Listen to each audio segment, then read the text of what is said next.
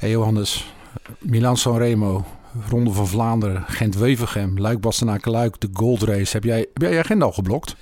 Uh, voor de meeste koersen wel, ja. Voor de meeste wel. Ik weet wel dat ik Luik waarschijnlijk in een, in een busje moet gaan kijken. Onderweg, ergens naartoe.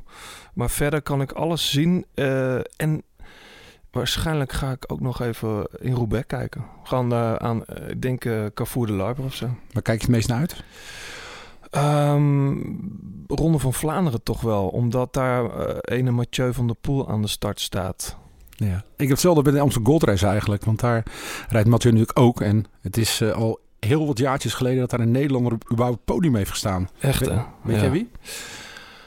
Amsterdam Gold Race, ja dat weet ik wel ja. ja.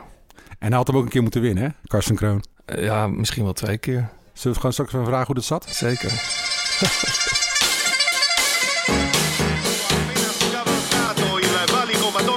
Ghisardo solo al comando un olandese Johnny Eugerland della Dat is de liefde. De liefde voor de koers. Blijleven trok de sprint aan. Toen kwam John de Bravo eroverheen. En John de Bravo wordt de nieuwe kampioen van Nederland. Je luistert naar De Grote Plaats. Een podcast van oud-wielerprof en muziekjournalist John de Braber... en muzikant, zanger en wielerfanaat Blauwtsoen.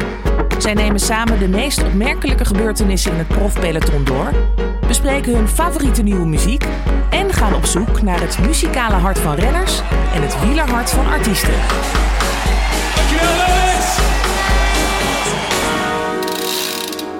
Met vandaag... Met vandaag nieuwe muziek. En oude muziek ook. Um, en we kijken natuurlijk terug naar um, de openingswedstrijden. En we blikken vooruit met uh, niemand minder dan uh, Karsten Kroon. Ja, ja, ja. Ja, je komt, net, je komt net. We zitten trouwens bij Eurosport. Uh, naast, of eigenlijk in een studio. Waar zitten we eigenlijk, Karsten? Dit is, wat is het?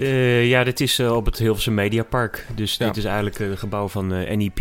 En Eurosport die huurt daar een ruimte. En daar, zijn de, daar is de studio van Eurosport waar ik meestal commentaar geef. Jij hebt net Tirreno Adriatico gedaan. Was het een mooie rit?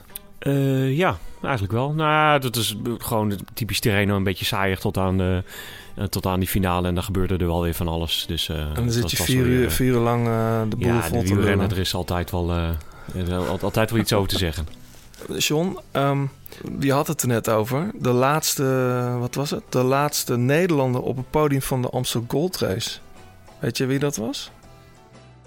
Uh, nou, ik, ik, ik vermoed nu dat ik dat was. Ja. Dat is ook zo. Dat is ook zo. Oh ja? Oké. Okay. Ja. Nou, dat wist ik niet. En volgens John ik ben niet zo goed met de statistieken. Volgens John, had jij, volgens John had jij hem ook uh, toch zeker mini minimaal één keer moeten winnen. En waar, waar baseert John dat op? Dankjewel, John. Ik, vind, uh, ik zie het wel als een compliment. Misschien ga ik nu wel wat slapeloze nachten hebben, maar... Nee, ik, ik, ik, ik, had het daar gisteren trouwens nog over. En iemand die herinnerde me daar aan. En die zei van ja, ik wist zeker dat je ging winnen. Want uh, Geesing had kramp. En, en ik wist toen eigenlijk ook zeker dat ik ging winnen. Want inderdaad, Geesing had kramp. En Ivanov die was al vanaf kilometer 180 in de aanval. Ja. Je had er heel lang niet op kop gereden ook? Wie? Je had in het wiel gezeten toch lang? Nee, ik, had, ik reed wel gewoon mee. Want ik wist wel dat ik ging winnen. Tot uh, dat ik reed nog buiten wat die Kouberg op. Ik was in de vorm van mijn leven. Ja, en toen die Ivanov, die teringlaaier, die was, ja, het was ook geen millimeter sprint. Ik kon hem echt niet hebben. Dus, um, en natuurlijk was dat wel zuur, maar ik, ik, uh, het is allemaal prima. Ik kan me ook nog iets herinneren, een hele mistige Amstel Gold Race. Ja. Die haast niet, die was gewoon niet live ja, uit niet te zenden. Nee. Alleen de, er was gewoon een vast camera, dat vind ik eigenlijk wel mooi, een vaste camera alleen. En daar was jij volgens mij ook goed.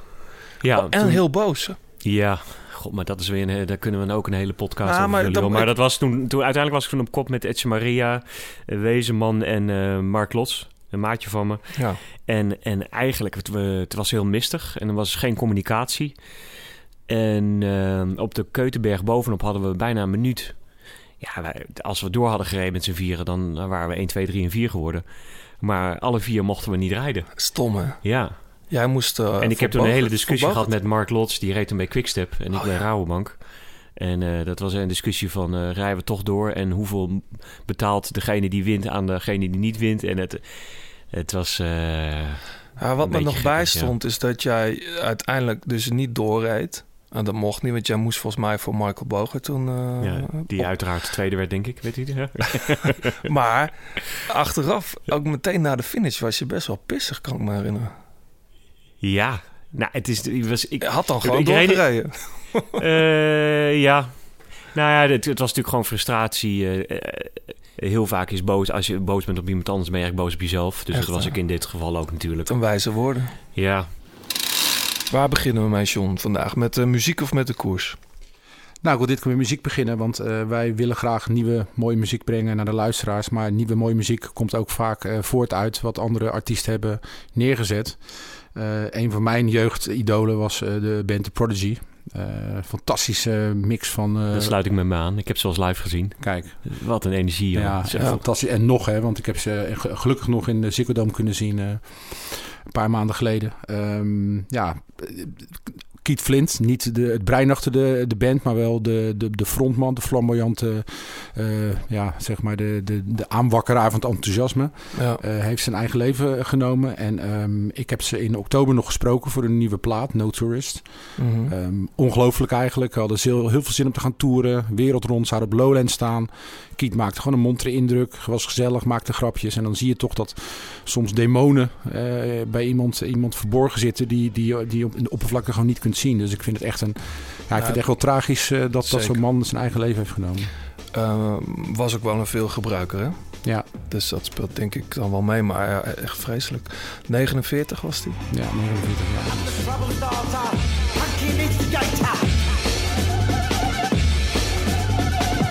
I'm the fear addicted, uh, danger illustrated.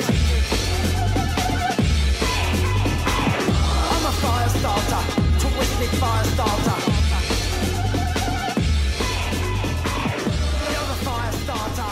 Het zijn er toch veel, hè, die rond die leeftijd, eh, ook die hele generatie van uit, de grunge-tijd.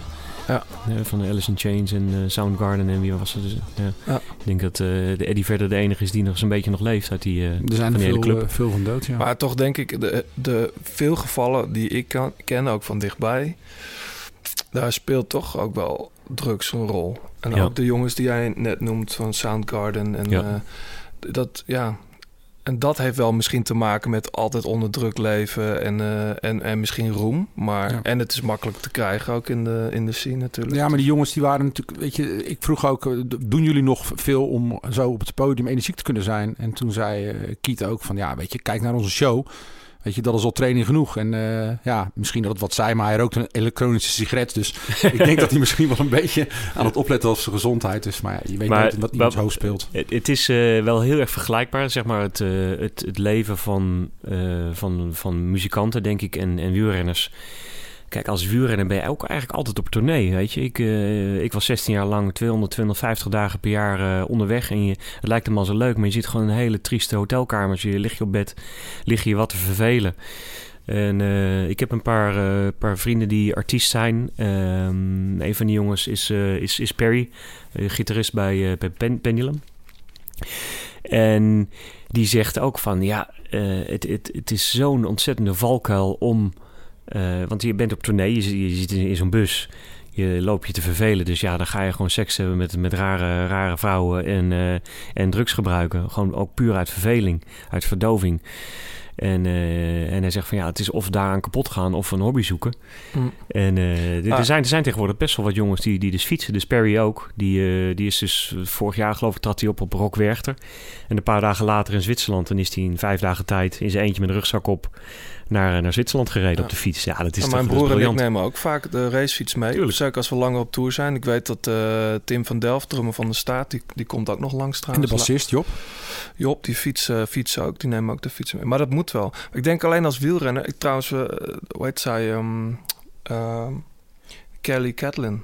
Is ook vorige week eh, zichzelf van het leven beroofd. Hele talentvolle wielrenner. Ze was pas Ja, maar niet alleen, niet alleen een... be- me- 23. Ze zat geloof ik ook... eh, had ze niet aan Stanford? Ze had een PhD in Stanford Ja. had ze. Eh, ze speelde viool. Gewoon een uitzonderlijk eh, Ja. getalenteerd meisje. Maar ja, dus blijkbaar eh, diep ongelukkig. Ja, en ik vind het gewoon lastig. Je ziet het gewoon niet in iemand. En dat, eh, dat, dat viel me op, weet je. Nou, Ik, normaal hoor je zoiets alleen maar op de radio. Of, maar ik heb die man zelf Ja. nog gesproken. Dus dan, dan zou je toch zeggen... Ja, dat had ik, ik, had het, ik had het al gezien. Hij zag er niet goed uit. Weet je, ik spreek wel eens muzikanten dat ik echt denk... Jeetje, die, Nee, die is volgende week is die er niet meer. Maar dan, dat had ik daar helemaal niet. We gaan, we gaan eventjes eh, een korte terugblik doen naar, naar de koers van de afgelopen periode. Karsten, jij, ziet, jij kijkt veel of ki- kijk jij alleen fietsen als je bij Eurosport zit? Eh, ik, ik moet eerlijk zeggen dat ik, eh, ik... Ik kijk niet al het wielrennen. Dus Nee. het is zo ontzettend veel wielrennen op tv. Ik ga niet eh 200 dagen per jaar naar wielrennen kijken. Ik ben ook nog met andere dingen bezig. Ja, Dus ehm daar moet ik eerlijk toegeven. Ik, ik zit niet iedere minuut voor de buis. nee. John, jij wel? Nou, als het even kan, dan eh, ga ik er wel voor zitten. Dan zorg ik dat ik al mijn werk af heb. En dan eh, ja, soms op de tak zelfs eh, voor de tv. Ja. En we komen straks even uitgebreider terug over wat onze hoogtepunten waren, voorlopig Mhm. dan. Maar eventjes een tipje van de sluier. Wat was voor jou een van de mooiste momenten? Ja, toch wel de overwinning van Annemiek van Vleuten in Strade Bianchi. Weet je, Ik vind het echt, eh, die, wat, wat die vrouw voor de kies heeft gehad de afgelopen jaren, vind ik echt zo bizar. Ja. En dat ze dan, ik volg haar ook op Instagram en hoe zij elke keer zich weer terugknokt. En, en ja, die, die- je hebt het over desolaat leven. Nou, dat doet zij wel. Ja. Die zit alleen maar op Ja, hoogte, ne- Next level, hè? Ja. op bergen en dat ze dat op kan brengen. En ik vind het echt eh, fantastisch. En ook hoe ze die laatste klim omhoog reed, dat ja, Prachtig. ja. echt indrukwekkend. Ja, ik, ik heb toch, we hebben het vorige keer ook over gehad, maar Dylan Groenewegen, die is, dat is toch wel echt een fenomeen aan het worden. Ja. hij heeft natuurlijk al eh, wat gewonnen, maar eh, hoe die in Parijs-Nice ook die, die waaierrit eh, won, dat vond ik echt heel goed. Ja. Voordat we verder gaan, ehm, ehm, ik wil nog even de mensen bedanken die ge- geluisterd hebben. Er zijn er erg veel, eh John. Dat hadden wij niet, eh, niet 1, 2, 3 verwacht. Hartverwarmend. Ja, echt hè? Ja, echt stonden, zelfs, eh, we stonden zelfs eh, in de top 10 eh, heel lang van iTunes met, met onze eerste aflevering. Wereldwijd? In Nederland, Karsten. Oké. Eh, Je moet ergens beginnen. Ja. Ja, het is ook gewoon een, een, een, een heel leuk idee natuurlijk. En ik heb, eh, toen ik stopte met fietsen, had ik eigenlijk het plan, ook het plan. Ik bedoel, het zijn, ik heb eigenlijk twee passies. Dat is eigenlijk wielrennen en muziek. En ik wou, eh, toen had ik echt het idee om daar iets mee te gaan doen. En ik heb zelfs een, eh, een, eh, een naam, eh, een domeinnaam eh, daarvoor gereserveerd. Ik had, wou een festival organiseren. En het leek me zo leuk om dan eh, gewoon in Ardennen een rondje te gaan fietsen met een groep. En daarna bij, bij eh, terugkomst op dat festivalterrein, dat er gewoon een barbecue is en muziek. En dan gewoon in fietskleren kleren gewoon eh de feest vieren. Kan nog steeds, hè? Dat ja, maar ik, ik ben gewoon, ik heb altijd zoveel ideeën, dus ik ben nog Dan ben ik nog benieuwd naar die naam. Eh, eh, Spandex. Oké. Ja, spandex. Dus, Spandex, dus ik, heb eh, altijd heel veel wilde ideeën, maar er komt nergens komt wat van terecht. Dus ik ben geen zakenman. Ik wil nog even een, eh, een, een, kleine rectificatie eh, van onze kant doen.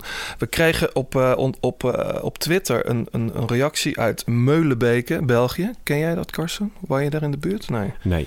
Meulenbeke, een, van, een reactie van wielerploeg de Molenspurters. En ehm, die zeiden, en dat klopt, wij hebben het heel even over Frank van der Broeke gehad. En wij dachten dat hij bij Mapai was begonnen. Of dat vermoeden hadden we, maar dat klopt natuurlijk niet. Dat is bij Lotto geweest. Bij zijn oom, Jean-Luc van der Broeke. Ja, klopt. En dat wil, wilden de, de Molenspurters even melden. Dus eh, dank daarvoor. Ja, fijn toch? Ik heb ooit nog eens eh, baanwielen gehad van eh, Jean-Luc van der Broeke. Zomaar. Mijn eerste, nee, die, die, die heb ik gekocht. Ik, ik fiets veel op de baan van Gent en eh, ik wilde graag een paar eigen dichte wielen. En eh, de plaatselijke mechanicien die had dat in zijn assortiment staan. En er stond Ja. echt ingegraveerd Jean-Luc van den Broeke. Heb je er wat op gewonnen ook? Ik denk het wel, maar ik heb ze niet meer in ieder geval.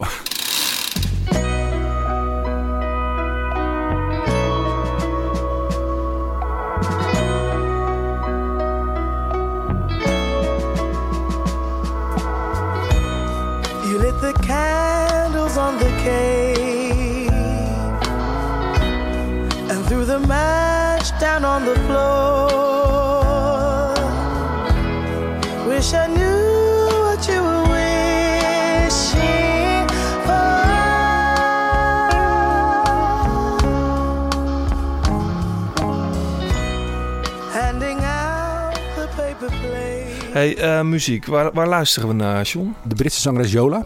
eh, komt uit eh, Bristol. Is haar debuutplaat. Ehm het nummer heet Faraway Look. En het is geproduceerd door Dan Auerbach, die we allemaal kennen van de, van de, van de Black Keys. Ja. En eh, ja, ik vind het gewoon een, een, een- een- vooral het, het openingsnummer schitterend. Echt een, eh, beetje veel Spectre-achtige wall of sound zit erin.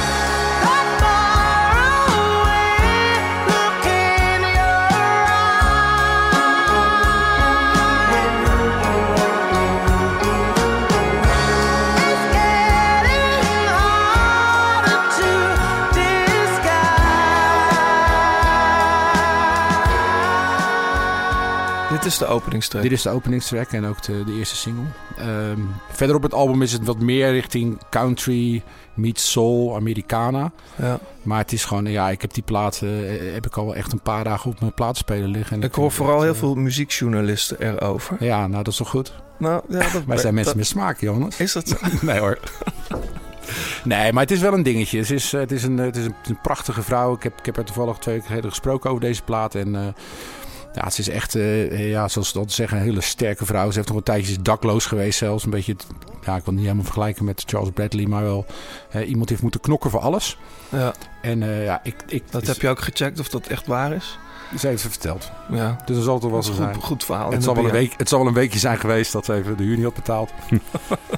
maar goed, het is, eh, ja, ik, vind het een, ik ben heel erg benieuwd wat, wat ze gaat doen op de festivals en eh, waar het naartoe leidt. En ja, het mag wel iets meer. Eh, het mag wel ietsje minder braaf alleen. Ja, goed dat je Dat, dat, vond zegt. jij ook, hè? Nou ja, ik, ik vind het eh, aan de saaie kant, ja. Maar eh, dat komt meer omdat ik het zo netjes geproduceerd vind en een beetje bedacht. Maar Ja, ze heeft een prachtige stem. Dat, maar ik moet hem misschien nog een keer opzetten. ja doe dat. Je hebt het over eh, Dan Auerbach, de Mhm. Black Keys. Ja. Ik zie heel erg uit naar de nieuwe Danger Mouse. Oh ja, die hebben ook samengewerkt. Ken je die? Karsten? Ja, die kennen we wel, ja. Ja, toch? Hm. Norris Barkley en zo. En ehm, heel veel mooie platen geproduceerd voor andere back. Maar hij heeft met Karen O, de zangeres van ehm, de Yeah Yeah Yeahs, heeft hij een, eh, een nieuwe plaat gemaakt. En die komt, volgens mij is die uit op het moment dat deze podcast uitkomt.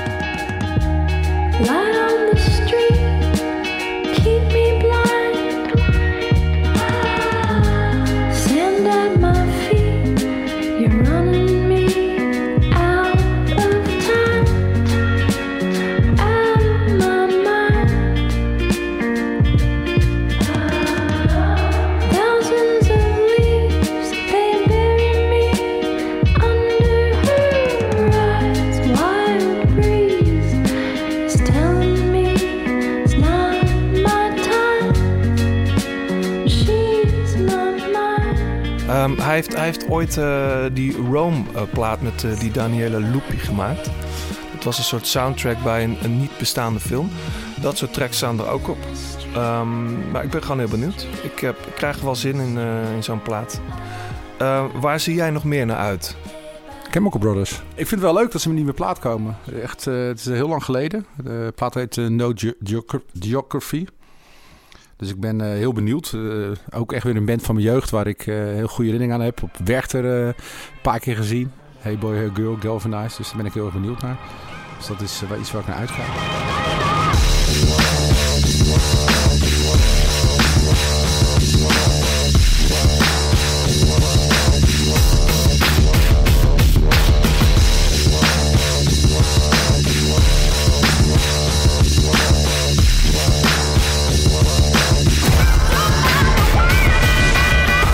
Trouwens een lezer, Karsten? Eh, L-A-S-E-R? Nee, Lees je boeken. lees je ja, boeken? Ja, ik, ik lees wel boeken, ja. ja, ja. Eh, Lees je wel eens rockbiografieën? Eh, nou, ik lees wel eens een rockbiografie, ja. Ken jij The Dirt van Motley Crue? Oh, kijk eens, dat ziet er inter- interessant uit. Ik heb Te hem- gek? Ja, ik heb hem voor je meegenomen. Je moet hem maar eens lezen. Hij is eh, vrij stuk gelezen bij ons thuis al. Oké. Dat is eh, ja, de moeder alle rockbiografieën van eh ja, Motley Crue dus. In de jaren tachtig vooral heel, heel bekend. En, Ja. ehm, Tommy Lee, Mick Mars, Vince Neil en Nicky Six. Ja, Ehm, dat is echt rock'n'roll. ja, echt rock'n'roll. En in deze biografie, eh, toen ik muziekjournalist was, had ik altijd een idee van werd, had ik altijd een idee van rock'n'roll. Dat is tv's door de, door de, door de ruit te gooien, eh, met hoeren naar bed en cocaïne, drugs en alles. Nou, tegenwoordig is dat nog een stuk minder volgens mij, maar in deze biografie druipt het ervan. Oké, en het ja. is, ja, ik zal niet eh, expliciet Hij wordt hier, verfilmd, hè? hierop ingaan. En dat is de Is reden waarom ik over wil beginnen. Eh, op eh, Netflix komt op eh, volgens mij 22 maart eh, de verfilming van eh The Dirt. Eh, die film is gemaakt door Jeff Tremaine, die we allemaal kennen van de Jackass films. Dus ik ben eh, heel erg benieuwd. Schitterend. nou, die, dat is, die gaan we dus Ja, kijken. ik, ik ben heel erg benieuwd of het net zo expliciet wordt als het boek. Want eh, er zit een PJ eh, 16 rating aan. Dus dat is restricted in Amerika. Dus ik weet niet precies wat je dan allemaal mag laten zien. Maar Volgens mij alles dan. ja, maar eh, En dat is maar goed ook, want ik, ik heb laatst die uh, Bohemian Rhapsody film nog ge- gezien. Dat is best vermakelijk, maar Ja. dat, dat is best vermakelijk. Maar dat heeft natuurlijk niet zo heel veel met het leven van Freddie Mercury te Nee, maken. nee, nee. Het was, Nee. het was heel braaf, ja. Ja, je hebt hem ook gezien. eh, Ja, ja.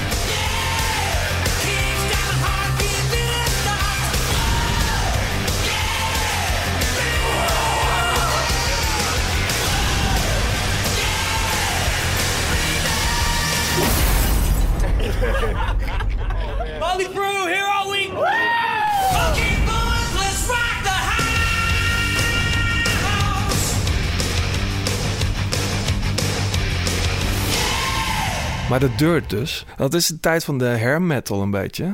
Ik, Ja. ik luisterde in die tijd nog eh, eh, christelijke metal. echt waar? Ja, onder andere ook wel Slayer hoor. Oké. Maar eh, ja, Slayer is niet christelijk. nee, verre van. Dat was. Ehm, ja, maar dat was wel in die tijd. Ja, man. Dat, dan ging ik naar Arnhem naar de platenzaak om daar eh, vooral heel veel te luisteren. Want zoveel geld had ik niet te besteden. Maar dat dan, ja, er stond dit ook altijd op. Ja.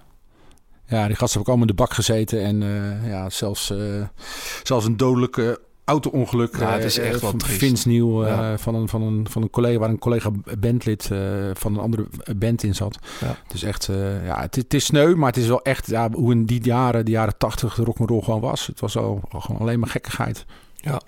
Karsten, we gaan straks over de koers praten. Eh, Ja. Maar jij hebt ook wat platen meegenomen. Met welk liedje wil je beginnen? Ja, nou, ik, ik vind het een ontzettend moeilijke vraag. Dus eh, ik, ik had eigenlijk... eh, ik heb er zitten denken misschien gewoon een afspeellijst te maken van 40 nummers. Ja, Want eh, je doet er altijd onrecht aan... aan ja, want jij luistert veel muziek. Ja, ik luister veel muziek. En het is ook zo dat ik was me er ook van bewust dat de nummers die ik zou kiezen, dan moest ik uit gaan leggen waarom dat zo was. En dan wist ik ook weer niet of ik daar wel helemaal zin in had en of dat wel de bedoeling was in deze Hmm. podcast. Nou ja, Dus eh, hè, je weet ook, eh, Johannes, dat ik, eh, ik... Ik had eigenlijk eh, een nummer mee willen nemen van jou, Winbeat. Maar dat is een, er zit een heel verhaal aan vast. ja. En toen hebben we eigenlijk afgesproken om dat, om dat niet te doen. Dus dat hebben we dus niet Nee, gedaan. dat doen Dus we niet. Nee. Ehm, eh, ik geloof, eh, ja, een van de nummers die ik, die ik mee heb genomen is Into, Into My Arms. into my arms, oh Lord, into my arms, oh Lord, into my arms, oh Lord, into my arms.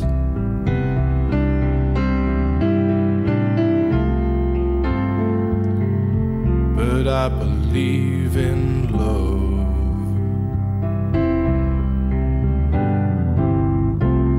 And I know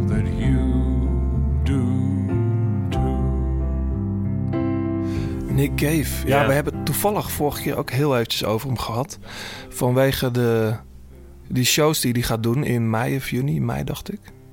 En waar jij geen kaartjes voor hebt. Daar heb ik geen kaartjes voor. Dus als er een, een luisteraar is die denkt van nou, die, ik, ik heb geen zin en ik heb kaartjes en eh, ik, eh, ik wil ze heel graag overnemen. hey, waarom deze? Waarom deze? ja, nee, Nick Cave is gewoon iemand. ehm, ik, ik hou heel erg van, eh, van, van, van, zijn- van zijn muziek. En het is gewoon een weergeloos artiest. Ik heb hem eigenlijk. eh, denk twee jaar geleden, vorig jaar was het in Ziggo gezien. En ik had er niet hele hoge verwachtingen van, maar het was echt magisch. Dus die man is, hij is 60 jaar oud, hè? En ehm, ja, wat Ziggo, wat is dat? 15.000 man die daar staan, of misschien nog wel meer, 20.000. Het was alsof je daar met, met 10 man stond. Eh, Dus op een gegeven moment hij dook in dat publiek en het was gewoon zo, zo'n energie, zo onwaarschijnlijk gaaf. En ehm, ik ben zijn naam even kwijt. Die, eh, dat is eigenlijk een beetje de brein achter de bed seat. hè, Warren Ellis. Ja, Mhm. Warren Ellis. Ehm, dus, en wat ontzettend veel indruk op me heeft gemaakt is, ehm, is die eh, documentaire die gemaakt is over. eh, wat uiteindelijk ging over het zoontje van, van Cave. Hè? Ja, Ehm, One More Time with Feeling is Mhm. het uiteindelijk geworden. Een documentaire waarin een cameraploeg bezig is om Nick Cave en de Bad Seeds te volgen bij de opnames van hun nieuwe album. En terwijl ze aan het filmen zijn, sterft zijn, zijn zoontje. Die, die Mhm. jongen was 15 toen geloof ik. En onder invloed van LSD is hij in, eh, in Brighton van een, van een klif gesprongen. Ehm, en ja, wat hebben ze dus gedaan? Ze zijn dus gewoon door blijven filmen. En ehm, en zeg maar, die, dat document, die documentaire. Dus ik, ja, ik, ik heb zelf kinderen en ik, eh, ik heb het in de bioscoop gezien en het is dus gefilmd. Ik weet niet of jullie het gezien hebben. Zeker, ja. Maar in eh, 3D, zwart-wit, met die muziek. Ik ging gewoon stuk. Ik ging helemaal kapot. Echt. Cave, dat, eh, dat, ja, blijft toch eh, blijft me veel doen. Luister je, eh, luister je Cave al lang? Ook toen je, toen je, toen je nog profielrenner was? Mm, nee, eigenlijk niet. Dat is, dat is ehm, denk pas sinds een jaar of drie, vier dat ik daar naar luister. Keep your candles burning, make a journey bright and pure. That you'll keep returning always and evermore. Into my arms, oh Lord, into my arms, oh Lord, into my arms. Ja, mooi hoor. John? Ja, wij zitten in eh Team Karsten. Eh, ik ben ook heel erg fan van, eh, van Nick Cave. Want we hadden het vorige keer erover dat er, ja, dat er ook een hoop haters zijn. Of lovers en haters. Mhm. Maar ik vind het echt een fantastische artiest. En inderdaad, die, die documentaire was schitterend. Ja, en dit nummer Into My Arms, ik bedoel, de, ja, de tekst is ook gewoon eh briljant natuurlijk. Heel mooi, ja. Ja. Hey, ehm, jij, jij zegt je luistert veel muziek. Ik weet ook dat jij in een, eh, in een appgroep zit met eh, een paar muzikanten en renners, oud-renners ook. Ja. Dat gaat ook vaak over muziek. Vertel, Ja. wat, wat, hoe, Nou, dat hoe gaat zit niet dat? over fietsen in ieder geval. Nee, maar eh, vertel eens, wat is dat voor Ja, hoe is dat begonnen? Dat is eigenlijk... eh, De- voor- begonnen- Wie zit erin? Eh, nou, het, het is eigenlijk begonnen met, met, met mij en Manuel Quinziato. Daar Mhm. reed ik toen bij, bij BMC. En ehm, Manuel is echt een, een hele slimme jongen. Hij heeft eh, rechten gestudeerd. Is advocaat nu. Ehm, en eh, een muziekliefhebber. Maar hij weet echt veel. Echt, hij is echt op de hoogte. En daar heel erg actief mee bezig. Veel meer dan ik nog. En ik eh, reed toen de Ronde van Spanje met hem. En we lagen bij elkaar op de kamer. En hij had een, eh, een eh, dvd-buis van de Foo Fighters. En ik, ik had zoiets van, nou, dat is toch een beetje commerciële rock. En, en, eh, maar het is natuurlijk niet voor niks dat eh, de Foo Fighters... dat die... ehm, dat het toch een van de, van de best betaalde eh, stadionbands zijn van de wereld. Ze vullen probleemloos stadions. En toen ehm, hebben we die DVD gekeken. En toen dacht ik van, goh, dat is toch wel te gek. En het is ook wel, ook wel leuke muziek. En toen zaten we daar tijdens de Vuelta. En toen zei ik, weet je wat, we gaan, gewoon, we gaan ze gewoon live zien. Dus eventjes gegoogeld. En er waren alleen nog kaartjes te krijgen in ehm, Madison Square Garden in New York. Toen zei ik van, nou, dan doen we dat toch gewoon. En eh, hij zei serieus? Ik zeg ja. Nou oké, dus kaartjes gekocht.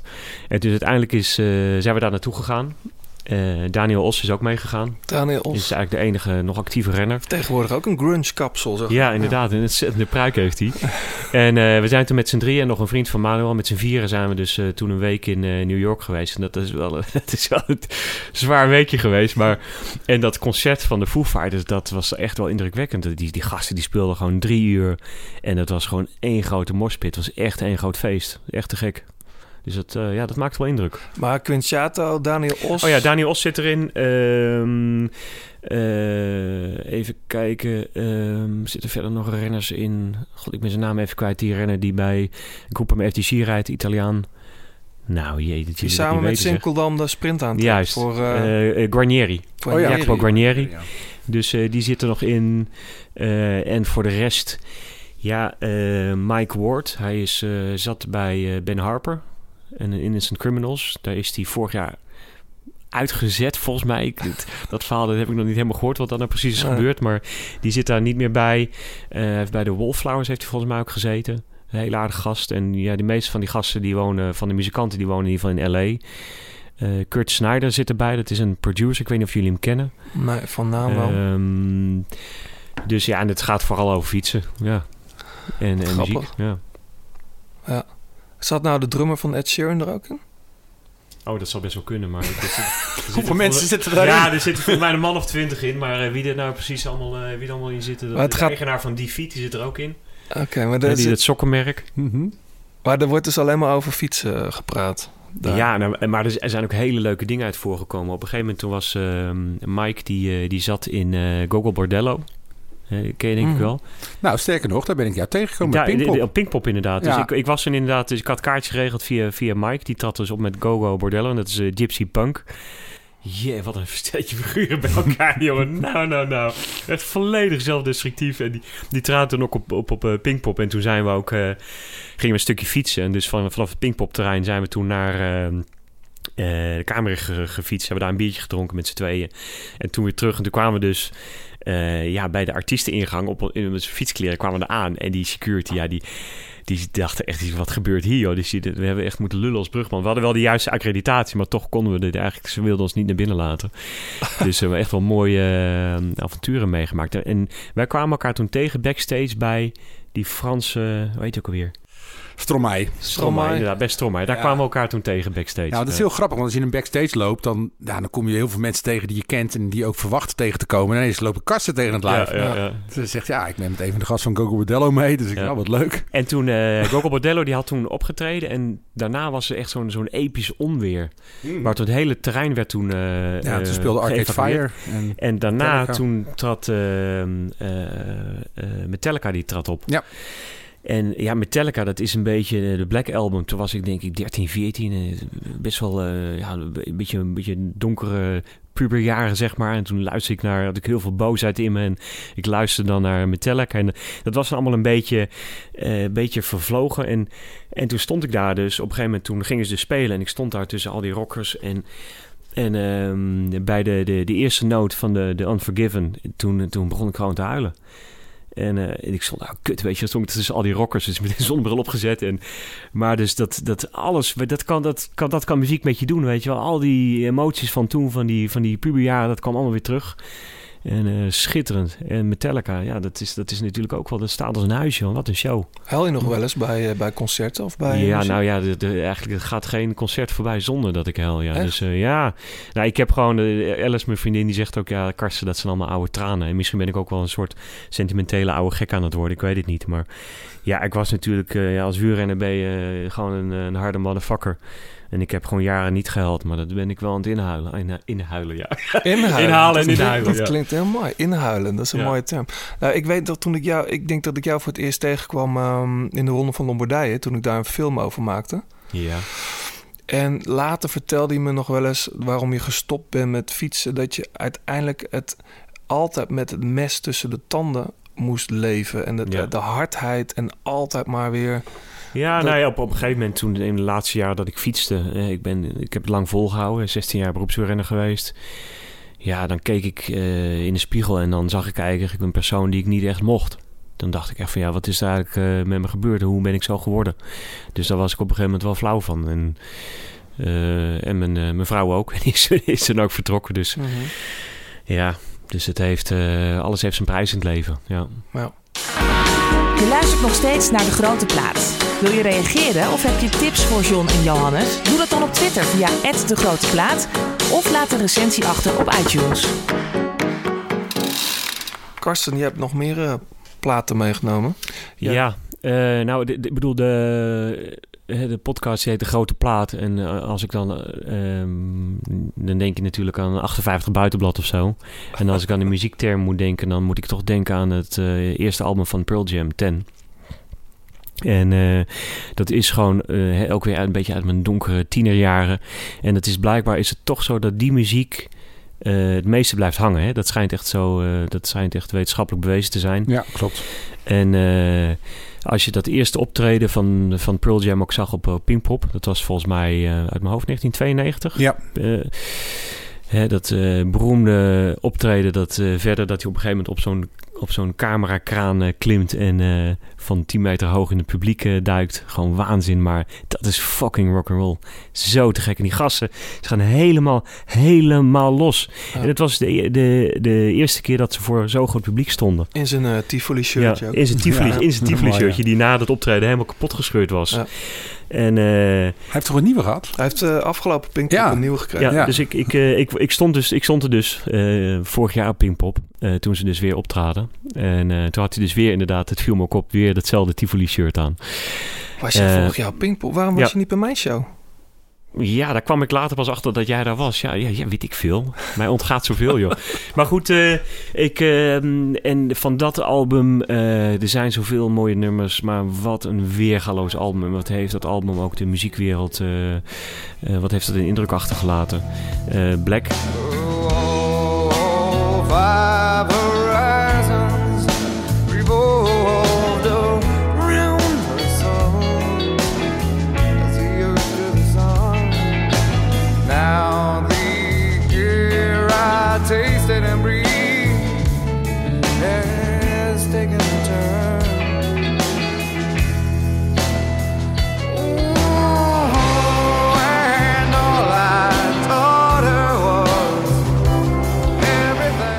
Jij dat nog veel, Black? dat, dat draai ik toch regelmatig. Ik, ik zorg er ook wel voor dat ik het niet te vaak draai. Dat, het ook, dat ik het mooi blijf vinden. En Je kan nummers natuurlijk ook grijs draaien, dat op een gegeven moment helemaal flauw van bent. Maar eh, ja, dat, dat nummer dat gaat gewoon eh, over, ja, over de, mooiste nummer over een verloren liefde. Ehm, En now my bitter hands cradle broken glass of what was everything. Ja, dat is gewoon pure poëzie. En dan die, die, die prachtige vibrato stem van, eh, van Eddie. Ja, magnifiek. Ik heb hem denk ik twee jaar geleden in AFAS gezien. AFAS is natuurlijk een kutzaal, maar eh, dat optreden van, Hoezo? van Verder. Ik vind wel- best wel Oh mooi. ja, serieus? Nou, ik vind een sporthal. Ik vind er niks aan. Nou, als Maar- het licht uit is, is het prima. Oké. Maar goed... ehm, Vind ik hoor. Maar dat solo-concert ben je geweest? Ja, Zitconcert. Ja, Ja. met, de En, met de eh, Red Limo. Wat, eh, wat een orchestra. artiest. En dat was volgens mij een week. Dat was de eerste optreden na de zelfmoord van Chris Cornell. Dat was een goede Ja, vriend klopt, van hem. Klopt. Ja, ja dat, was, eh, dat was ook weer huilen voor Karst hoor. Ja. Ja. Wat wel iets minder rock'n'roll was, waren toen de prijzen. Want eh, zij hebben natuurlijk altijd heel erg gestreden, gestreden tegen de, hè, dat alles te duur werd bij concerten. En eh, ik geloof Ja. dat je 100 euro voor een kaartje moest betalen. Dus dat vond ik al een beetje... Wat wel leuk is, eh, volgens mij de, het Red Limo eh, kwartet van eh, de stra- een Nederlands strijkkwartet Ja. speelde toen mee. De Die, eerste, waren erbij, dat klopt. en ja. die zijn de rest van de tour toen mee. ja, inderdaad. Ja, daar had hij toen ook over. Ja. Ja, en ehm, ja, dat was echt superleuk. Ik spreek de jongens wel eens en de meiden. Je hebt toch ook bij Kite me gezeten, een paar? Ja, ook. Ja. Ja. Spelen ook vaak eh, op mijn albums mee, maar dat is superleuk. Ze hadden toen echt allemaal Pearl Jam songs voorbereid. Ja. Volgens mij iets van 30, 40 stukken voorbereid. En gingen dat gewoon spelen. ja. En dat was een, eh, toen was hun sollicitatie eh, was binnen. Dus dat was, eh, ja. Ik was er niet bij bij die show. Ik heb wel dingen terug, eh teruggehoord. Ik ben wel geweest. Dat is heel erg mooi.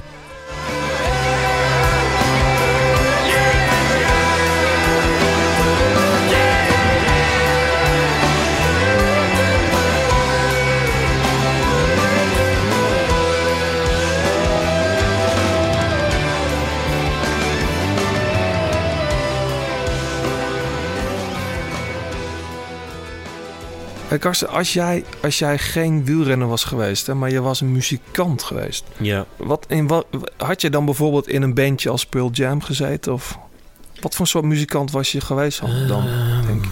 Nou ja, goh, ik denk dat je daarvoor kiest, eh, zeg maar in je, dus in je tienerjaren. En toen, toen was het echt wel voor mij echt wel eh, de grunge en de, en de metal en zo. En dan, dan was het toch wel de wat hardere kant op gegaan.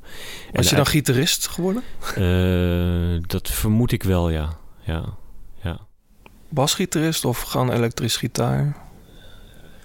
Ja, ik, zie het, ik zie het nog niet helemaal voor. Ja, maar- nee, dat, ja, dat begrijp ik wel. Ehm, nou, gewoon, eh, gewoon ge- geen basgitaar, geloof ik. Nee, dat is toch gewoon een gitaar. En uiteindelijk heb ik ook, zoals iedereen wel, eh, periodes gehad in mijn leven. Op een gegeven moment luister ik heel veel naar hip-hop, eh Wu-Tang Clan, eh, eh, Eminem. dit is van alles is er langsgekomen. Ehm op een gegeven moment ook al Nederlandstalig. En, en nu ben ik alweer wat een rustige periode van mijn leven. Over hip-hop gesproken, een hele slechte variant hoor. Maar heb je die, heb je die rap van de Astana? Ja, ja. Wat een onzin is dat? Ja, nou, ik vond het wel grappig, ja. Ik, ik vond het eigenlijk wel geestig. Ja? Ja, die, Ja, het is zo slecht dat het weer grappig wordt. Ah, ja, ja. inderdaad. Ja. Godsamme. Ja, niet te doen. Ja. Nee. Is een even een hype. Maar eigenlijk, Ja. eigenlijk bij Astana, daar rijdt uh, Matty Breschel... die trouwens waanzinnig goed gitaar kan spelen. Oh ja? Die gozer, ja, die kan echt... Die kan echt spelen. Dus, eh, en die, eh, maar dat is ook wel echt wel een, een, een jongen met smaak. Dus die, maar die, had, dus, die wou er dus niet, blijkbaar niet aan meedoen aan die Oh, hele rap van goed. Evino. Ja. Oh, maar dat wist ik niet. Ja, maar hij, dat, dat stond een beetje, daar keek hij een beetje op neer misschien. Ja. Nee, wat dat betreft kun je uit het, eh, het huidige peloton kun je best wel een aantal bandjes eh, ook wel, ja. vormen. Alle Philippe, is een drummer, toch? Alle Philippe op drums, nou, Sam Ome en eh Chad Hegga op piano. Nou, twee pianisten, dat kan geen kwaad. Ja, ik heb nog opgetreden met Sam. Wat dan? Ja, dat is een raar verhaal. Dat is een van een wielencafé in Valkenburg. En op een gegeven moment toen, ehm, toen werd Sam eigenlijk voor het blok gezet dat hij... eh daar was ik met muziek erbij. Dus er waren instrumenten. werd hij voor het blok gezet dat hij moest, eh, een liedje moest spelen. En hij, ja, daar heb ik natuurlijk helemaal geen zin in. Dus ik ga mezelf niet voor lul zetten. En toen, toen zei ik tegen hem, ik zeg, want ik was daar ook op het podium. Ik zeg, eh, als wij nou gaan zingen... Oh, zegt hij, ja, dan wel. Ik zei, ah, kut, weet je wel. dus hij begon dus te spelen en hij begon eh, Under the Bridge te, te spelen van eh, Red Hot Chili Peppers, wat ik toevallig uit mijn hoofd ken. Dus eh, daar hebben we een aardig eindje met meegezongen. Maar ik, ik heb helemaal geen mooie stem, ik kan niet zo goed zingen. Maar het is toch... Of eigenlijk was het zo dat ik zelf dacht dat ik heel mooi zong. Dat het heel goed ging. En eh, toen ik het later terug hoorde, toen schaamde ik me echt helemaal kapot. Maar het was wel echt te gek om gewoon... Dat was wel een zaal van 600 man om daar dan, eh, om daar dan te, te zingen. Grappig, ja.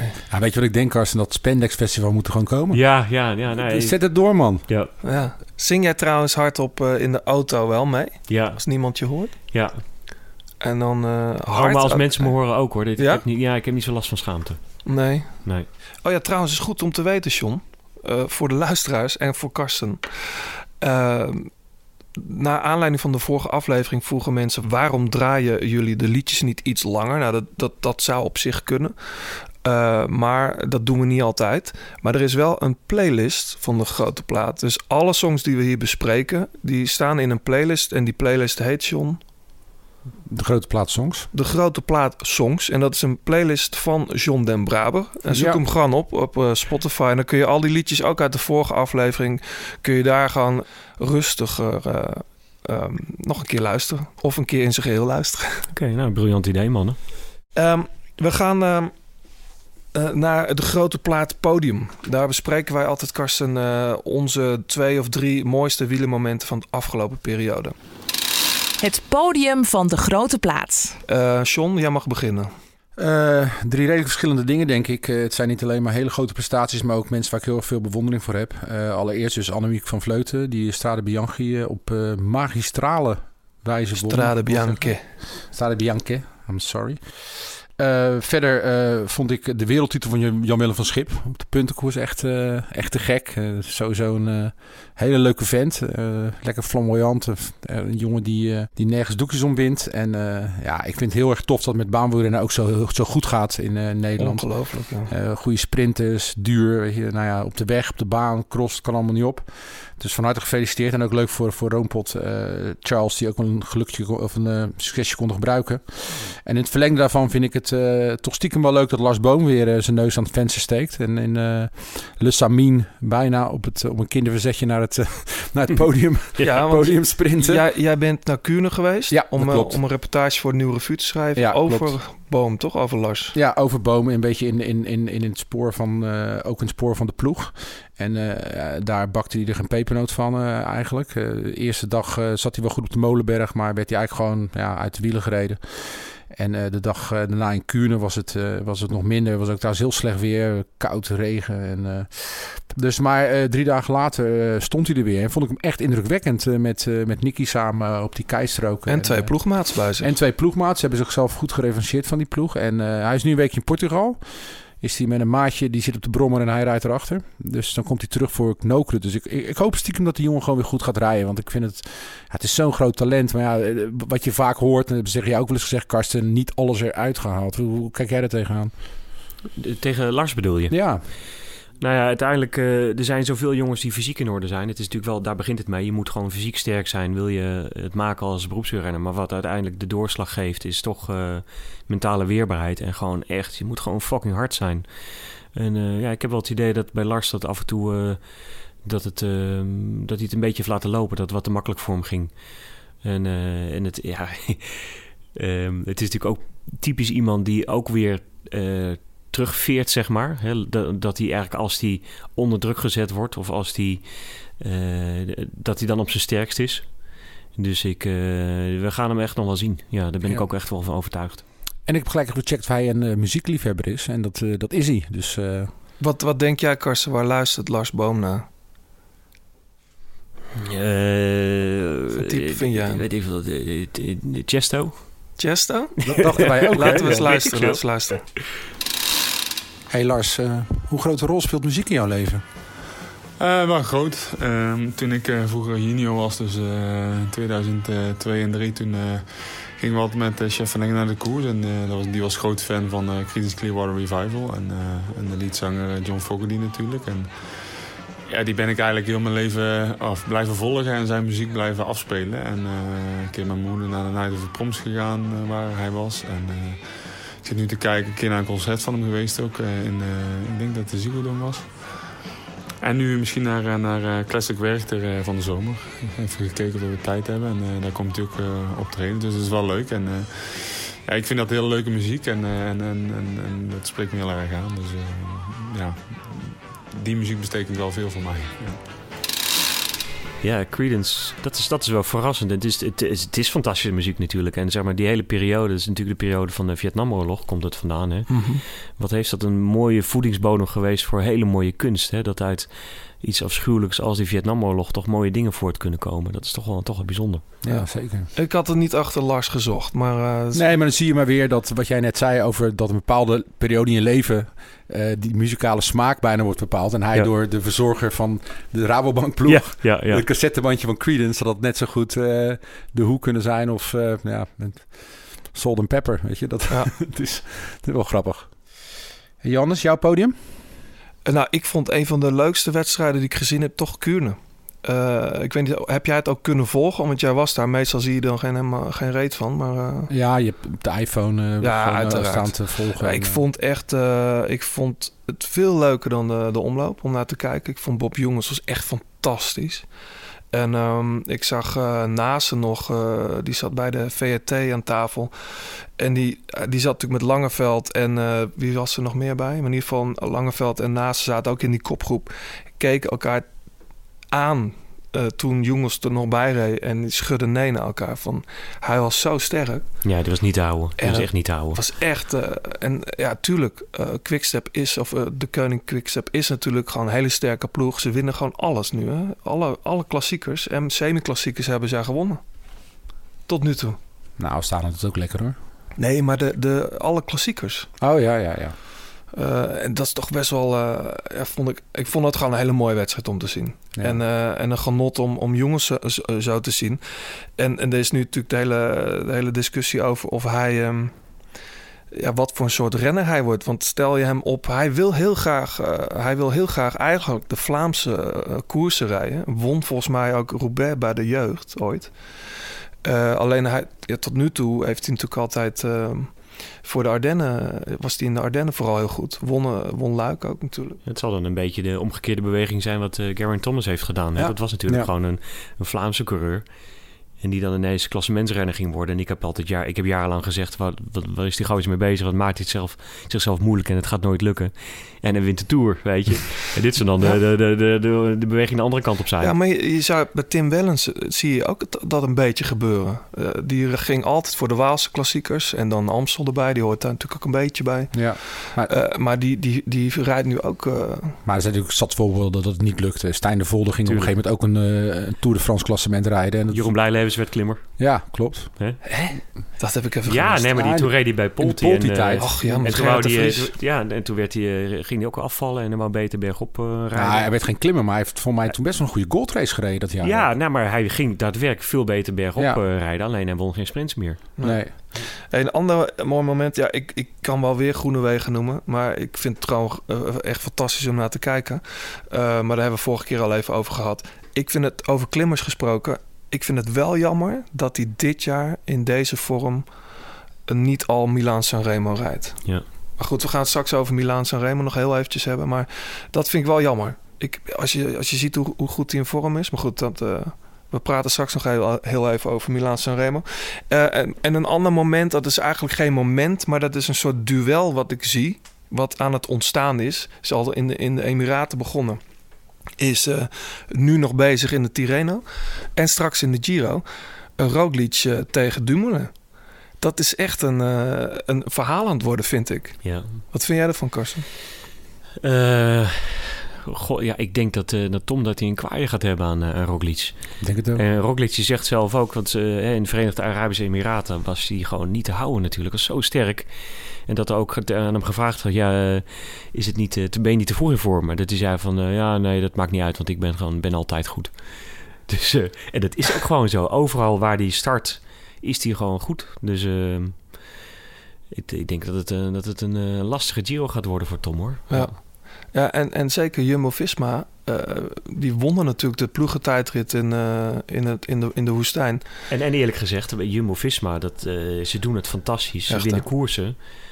En eh, ja, Sunweb, die staan nog op nul, hè? Toch niks gewonnen. Ja, maar ook in de breedte, de ploeg is gewoon heel erg gegroeid. En eh, of het nou de trein is voor Groenewegen of inderdaad die, die klimmetjes die erbij hebben gehaald. Zoals die Amerikaanse jongen die vorig jaar zo goed reed in eh, Colorado, weet je ook alweer.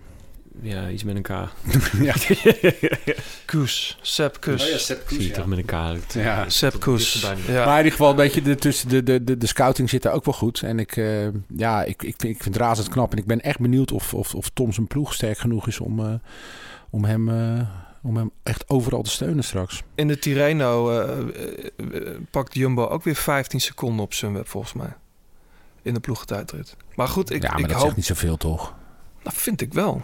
Op een tijd is van 25 kilo. En de weersomstandigheden waren heel eh, verschillend. Hè? De ene met regen gereden, harde wind. En later... dus Nou ja, goed.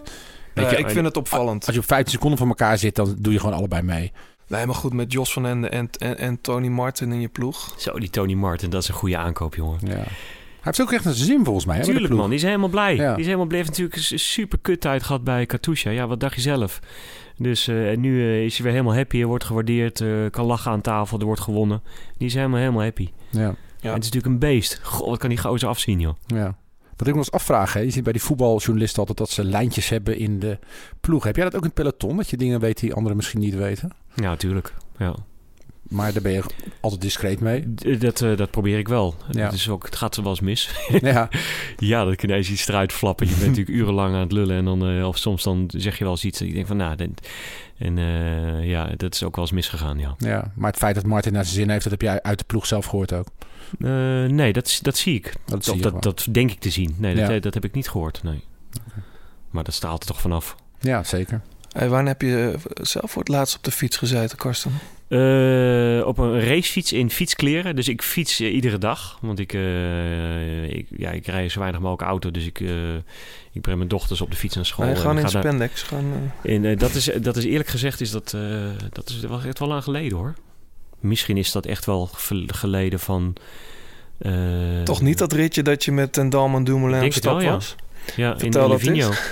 Nou ja, ehm, op een gegeven moment Tom die had natuurlijk de Giro en de Tour gereden. Eh, om te winnen. Beide keer tweede geworden. En daarna ging hij ook nog eh, proberen om wereldkampioen te worden. Ik vond het allemaal redelijk ambitieus. Maar goed, eh, knap dat hij, het, dat hij het aankon. En hij zat dus in zijn eentje zat hij, in de Vigno zat hij, op hoogte in een huis. En op een gegeven moment toen had ik, belde ik met Laurens ten Dam. En die zei van, nou, volgens mij heeft Tom, die heeft het allemaal niet zo makkelijk. En toen, eh, toen zei ik al, ja, dat, hè, en natuurlijk heeft hij het niet makkelijk. Want hij heeft al die hele voorbereiding gedaan op de Giro, de Giro zelf. En daarna het hele circus nog een keer met de Tour. Die zit op zijn knieën en dan zit hij daar in zijn eentje daar op hoogte.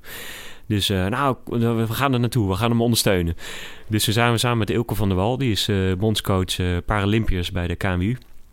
En oud-prof ook. En oud-prof. Met z'n drieën zijn we... eh, in het KMU-busje zijn we naar, eh naar Livigno gereden. Dat was een schitterende roadtrip met eh, mooie verhalen en muziek en ouwe hoeren. En, ehm, en toen kwamen we daar en zat Tom, die zat dus inderdaad daar, ja, die was hartstikke blij dat we er waren. Ehm, en toen had Laurens had me over weten te halen om toch mijn racefiets mee te nemen. Dus ik had hem bij me. En die dag daarna gingen we dus, fietsen we dus weg. En eh, ja, dat huis was op 2300 meter hoogte, dus het eerste gedeelte was afdalen. Nou, het was echt maanden geleden dat ik op de fiets zat. Dus ik, ik vond het zo eng om ineens 80 kilometer per uur. Dus ik zat echt zo... En die gasten die zat nog eventjes nog een sms'je te sturen zo, weet je nog even te appen. Op. En ik dacht, jullie zijn gek, weet je hoe gevaarlijk het is? Straks komt er een, een, eh, een trekker uit een zijwegje en eh, nou, ja, een stuk naar beneden. En toen begon het te klimmen, een stukje omhoog te rijden. En die gasten begonnen 300, 350 watt te rijden. Nou, ik dacht dat ik dood ging, jongen. Kon je ze nog bijhouden? Ik Nee man, totaal niet. Echt, ik vond, ik vond het verschrikkelijk. en eh, toen zei ik ook na een paar kilometer... Ik zeg, gasten, ik zeg jullie maar linksaf. Ik ga, ik ga rechtsaf. En toen ehm, heb ik samen met Ilke... hebben we uiteindelijk toch 3,5 uur gefietst. En het was, ik vond het verschrikkelijk. Echt, Mm. eh, nee. Dus Ja. niet fietsen, eh, zeker op hoogte... als je nooit meer fietst, is gewoon niet leuk. Nee. En toen, ehm, die dag daarna, toen ben ik met Ilke zijn we gaan wandelen. Dat was heel leuk. En die dag daarna, dat was de laatste dag daar. Toen wou Lauwers wou gaan mountainbiken. Ik zeg, Lauwers vindt het allemaal prima, maar dan huur ik een elektrische mountainbike. Serieus? Ah, watje Karsten. en eh, ja, jongen. Dus ik zeg, interesseert me helemaal niks. Ik ben hier voor mijn lol. Dus ik heb dus inderdaad een elektrische mountainbike gehuurd. Wat een feest. Ja, is dat leuk? Echt, ja, dat is zo lachen. Dat, is echt, dus, eh, dat was echt een hele leuke dag. Dat heb ik Lauwers echt pijn kunnen doen. Ja,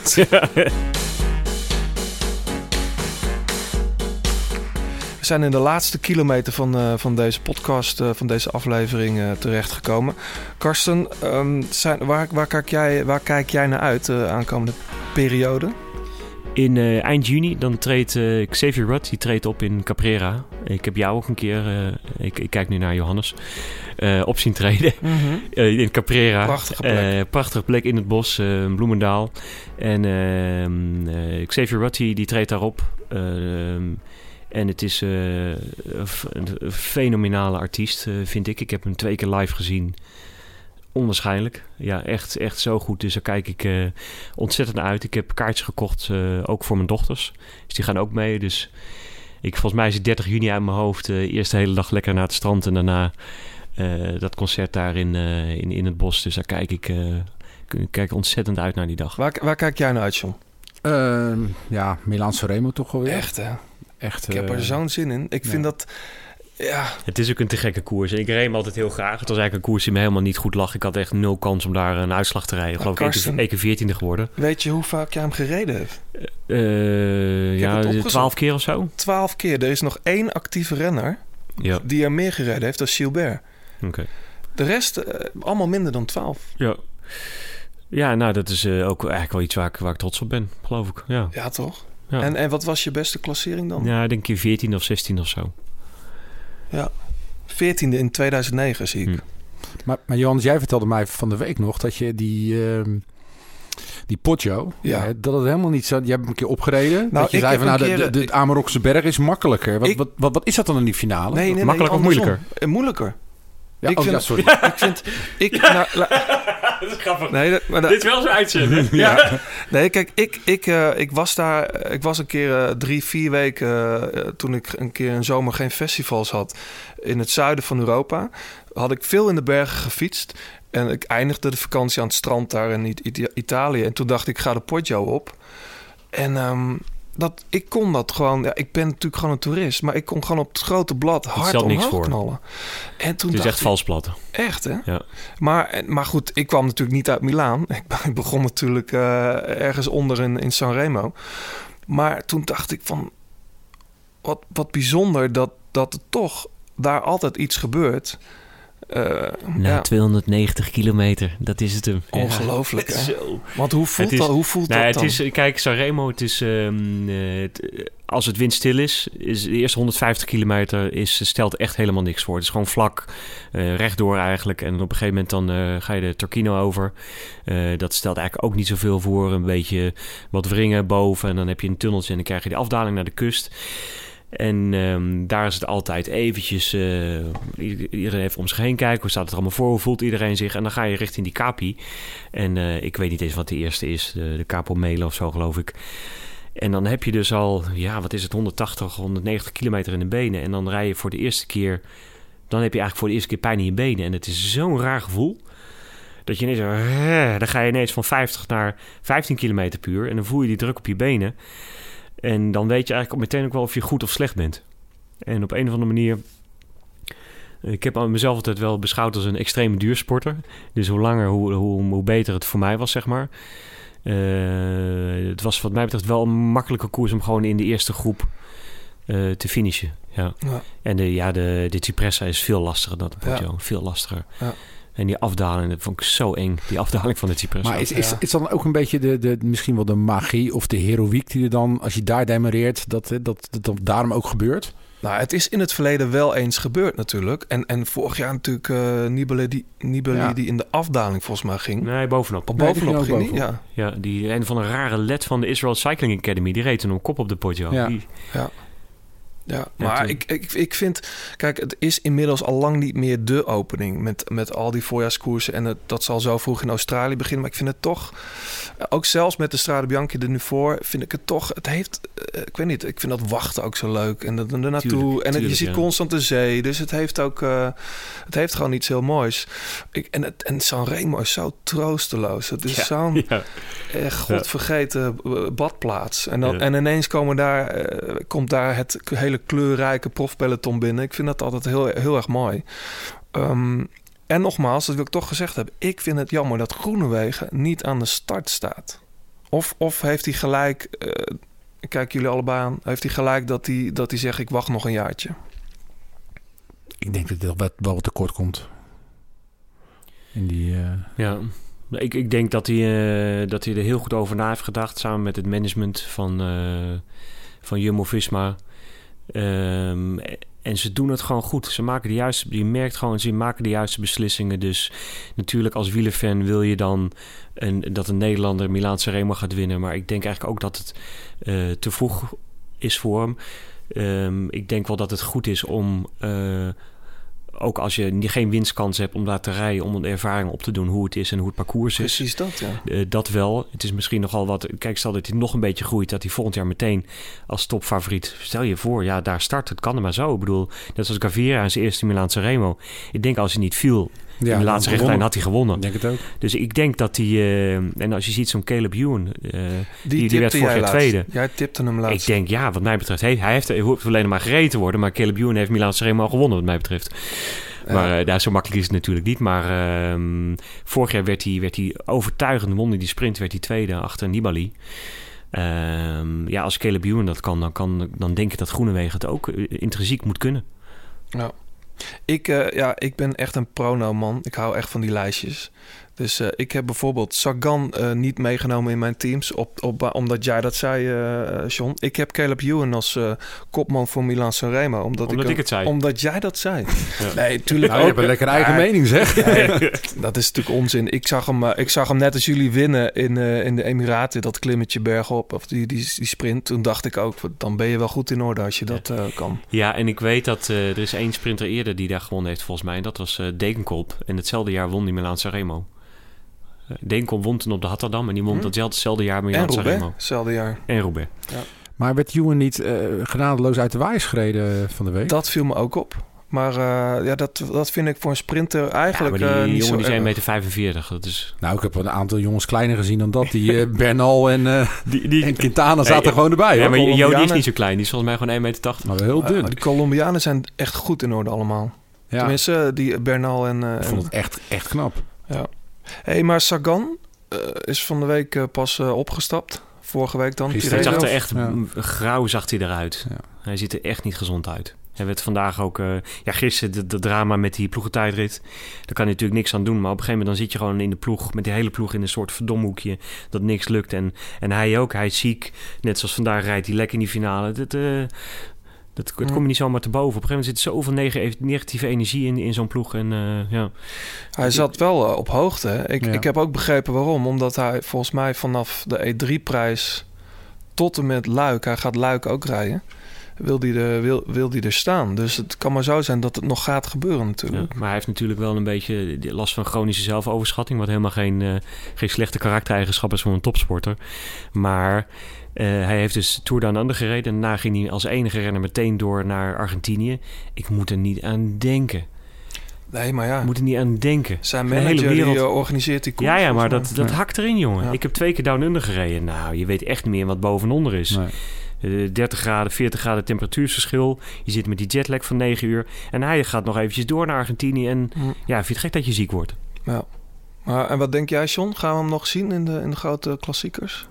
Ja, ik, het was voor mij ook een onderbuikgevoel hoor. Maar ik, eh, dat hij eh, inderdaad eh, die twee etappekoers achter elkaar reed, vond ik heel opmerkelijk. En eh, daar eigenlijk niet goed uit uitgekomen. Dat hij gewoon eigenlijk onzichtbaar is geweest tot nu. Tot het Tirreno. Ik, eh, ik heb er niet zo heel veel vertrouwen in als ik ben. En waar we het van de week nog over hadden, Ja. ook zijn persoonlijke omstandigheden natuurlijk. Nou, Ja, hij is vorig vorig jaar jaar- gescheiden. Mm. Ja, wat doet dat met je, met, met je geest? Ik, eh, ik ben echt benieuwd. Vader geworden ook. Ja, Het is natuurlijk een beetje een clown, hè? maar de grootste clowns hebben natuurlijk de diepste emoties. En eh, ik denk dat het, dat het een hele gevoelige jongen is die ook echt gewoon leeft en koerst op, op emoties en op zijn gevoel. Maar zou en die zo'n er nog scheiding, natuurlijk, het hakt in erin, man. hebben? Ja, ja Ik heb tuurlijk. het zelf meegemaakt. Volgens mij weten we allemaal hier aan tafel Ja. wat dat is. Ja. Ehm, maar zou die er nog zin in hebben? Ja, nou, dat is ook altijd maar de vraag met hem. En volgens mij, als je er geen zin meer in heeft, dan kan het ook maar zo afgelopen zijn. Ik hoorde bij de, de, onze collega's van Radio Stelvio dat, eh, dat er werd gefluisterd dat hij niet zo heel lang meer zal koersen. Omdat hij gewoon eh, klaar is. En hij heeft natuurlijk... Ja, hij, hij heeft ook vaker genoeg- gezegd dat hij weg wil en eigenlijk helemaal niet zo leuk vindt. Hm. Gaat hij weer mountainbiken of zo? Ja. Waar ik wel naar uitzie, dus wat dat betreft mag hij nog even wachten... eh, is het duel eh, Mathieu van der Poel tegen Ja, Sagan. Sagan, ja, dat zijn natuurlijk wel een beetje soortgelijke renners. Ja. Daar hebben we het nog nauwelijks over gehad. Maar de koersen daar waar die van start gaat, die, eh, die staan voor de deur. Nokeren begint Ja. hij. Eh, alle pijlen op de Brabantse pijl. Hm. Eh, ja, waarom? Maar goed, dat, daar, volgens mij wil hij... Dat die- lijkt me een realistisch doel. Ja. Kijk, wij willen, wij willen natuurlijk dat hij gelijk de Ronde van Vlaanderen en de Amsterdam Gold Race wint. Dat is Hm. niet realistisch. Nee, hè? Met alle respect is een, een weergeloos talent, maar dat komt echt nog te vroeg voor hem. En stel je de... Misschien lukt het ook wel. Misschien wint hij de Ronde van Vlaanderen wel. Maar ga dat nu niet van een daken schreeuwen. Ga Nee. gewoon zeggen, ik, als ik de Brabantse pijl win, dan... eh, nou, dat lijkt me echt een mooie... Maar dat ja, zeg je toch ook? Ja, nou, dat lijkt me ook een realistisch dat- doel. Het past ook bij hem. Het is een lange slopende wedstrijd, maar niet van het allerhoogste niveau. En een rondje. En hij heeft natuurlijk gewoon zijn... Het is een rondje, toch? Ja. Ja. en hij heeft, eh, hij heeft zijn vader natuurlijk, die eh, de klappen van een zweep kent, die alles heeft meegemaakt. Ik ben nog ploeggenoot geweest van Adrie trouwens. Echt? Ik heb nog met hem gekoerst. Ja. Ehm, kijk, en dat, eh, dat is toch wel zijn, zijn voordeel, denk ik. Hè, die- houdt hem wel, ja, die probeert in ieder geval met beide benen op de grond te houden. Maar hij heeft ook veel gekoerst nog, hè? Zou dat een nadeel voor hem kunnen zijn? Hij heeft natuurlijk alleen Turkije volgens mij gereden. Wel meteen gewonnen ook. Ja, oké, maar ja. Nou ja, goed. Dat is Even een ander eh, niveau. ja, Zeker, maar eh, goed, de eh, Continental teams. Goh, ik, ja, ik, ik zou de, de, de verwachtingen niet, niet te hoog gespannen hebben, hoor. Eh, Ja, maar dat, dat, dat EK vorig jaar, daar was hij toch ook sterk, hoor. Ja, Toen ja. had hij toch ook niet echt een, een wijze voorbereiding gehad. Ik, de jongen kan zich zo opladen naar een wedstrijd toe. Dus En het NK. Ik bedoel, ik zag die beelden van de week nog. Dat was toch... eh, Het is, uit, het is een, ja, de buitencategorie. Maar hij is nog jong. Geef hem wat tijd en laat hem lekker spelen. En die komt vanzelf al een keertje ergens bovendrijven. ja. Leuk. Ik heb er zin in.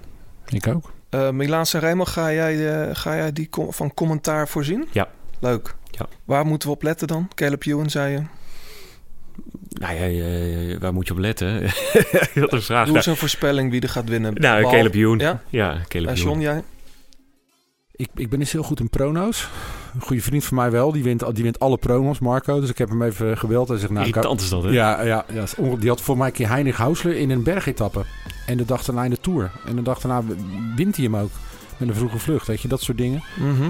Dus eh, die, die denkt, Gaviria, dat denkt zelf ook wel. Eh, misschien al uit revanche, wat er natuurlijk ooit gebeurd is. Hm. Of misschien Kwiatkowski in een eh, late aanval op de Poggio. Ik denk Ala Ja. Philippe.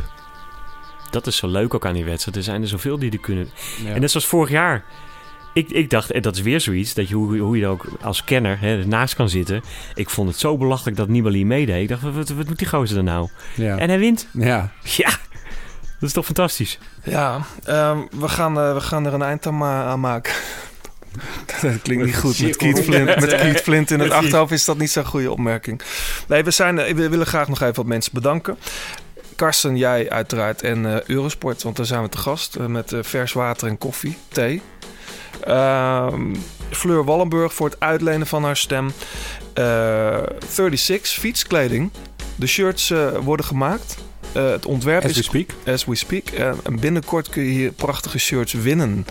Eh, met het logo van de grote plaat erop. En die is weer gemaakt door Pankra. Bedankt daarvoor.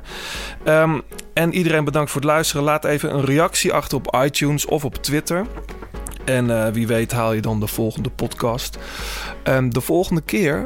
Ik weet niet precies wanneer wij weer opnemen. Maar dat zal denk ik na Gent-Wevelgem zijn. Ja.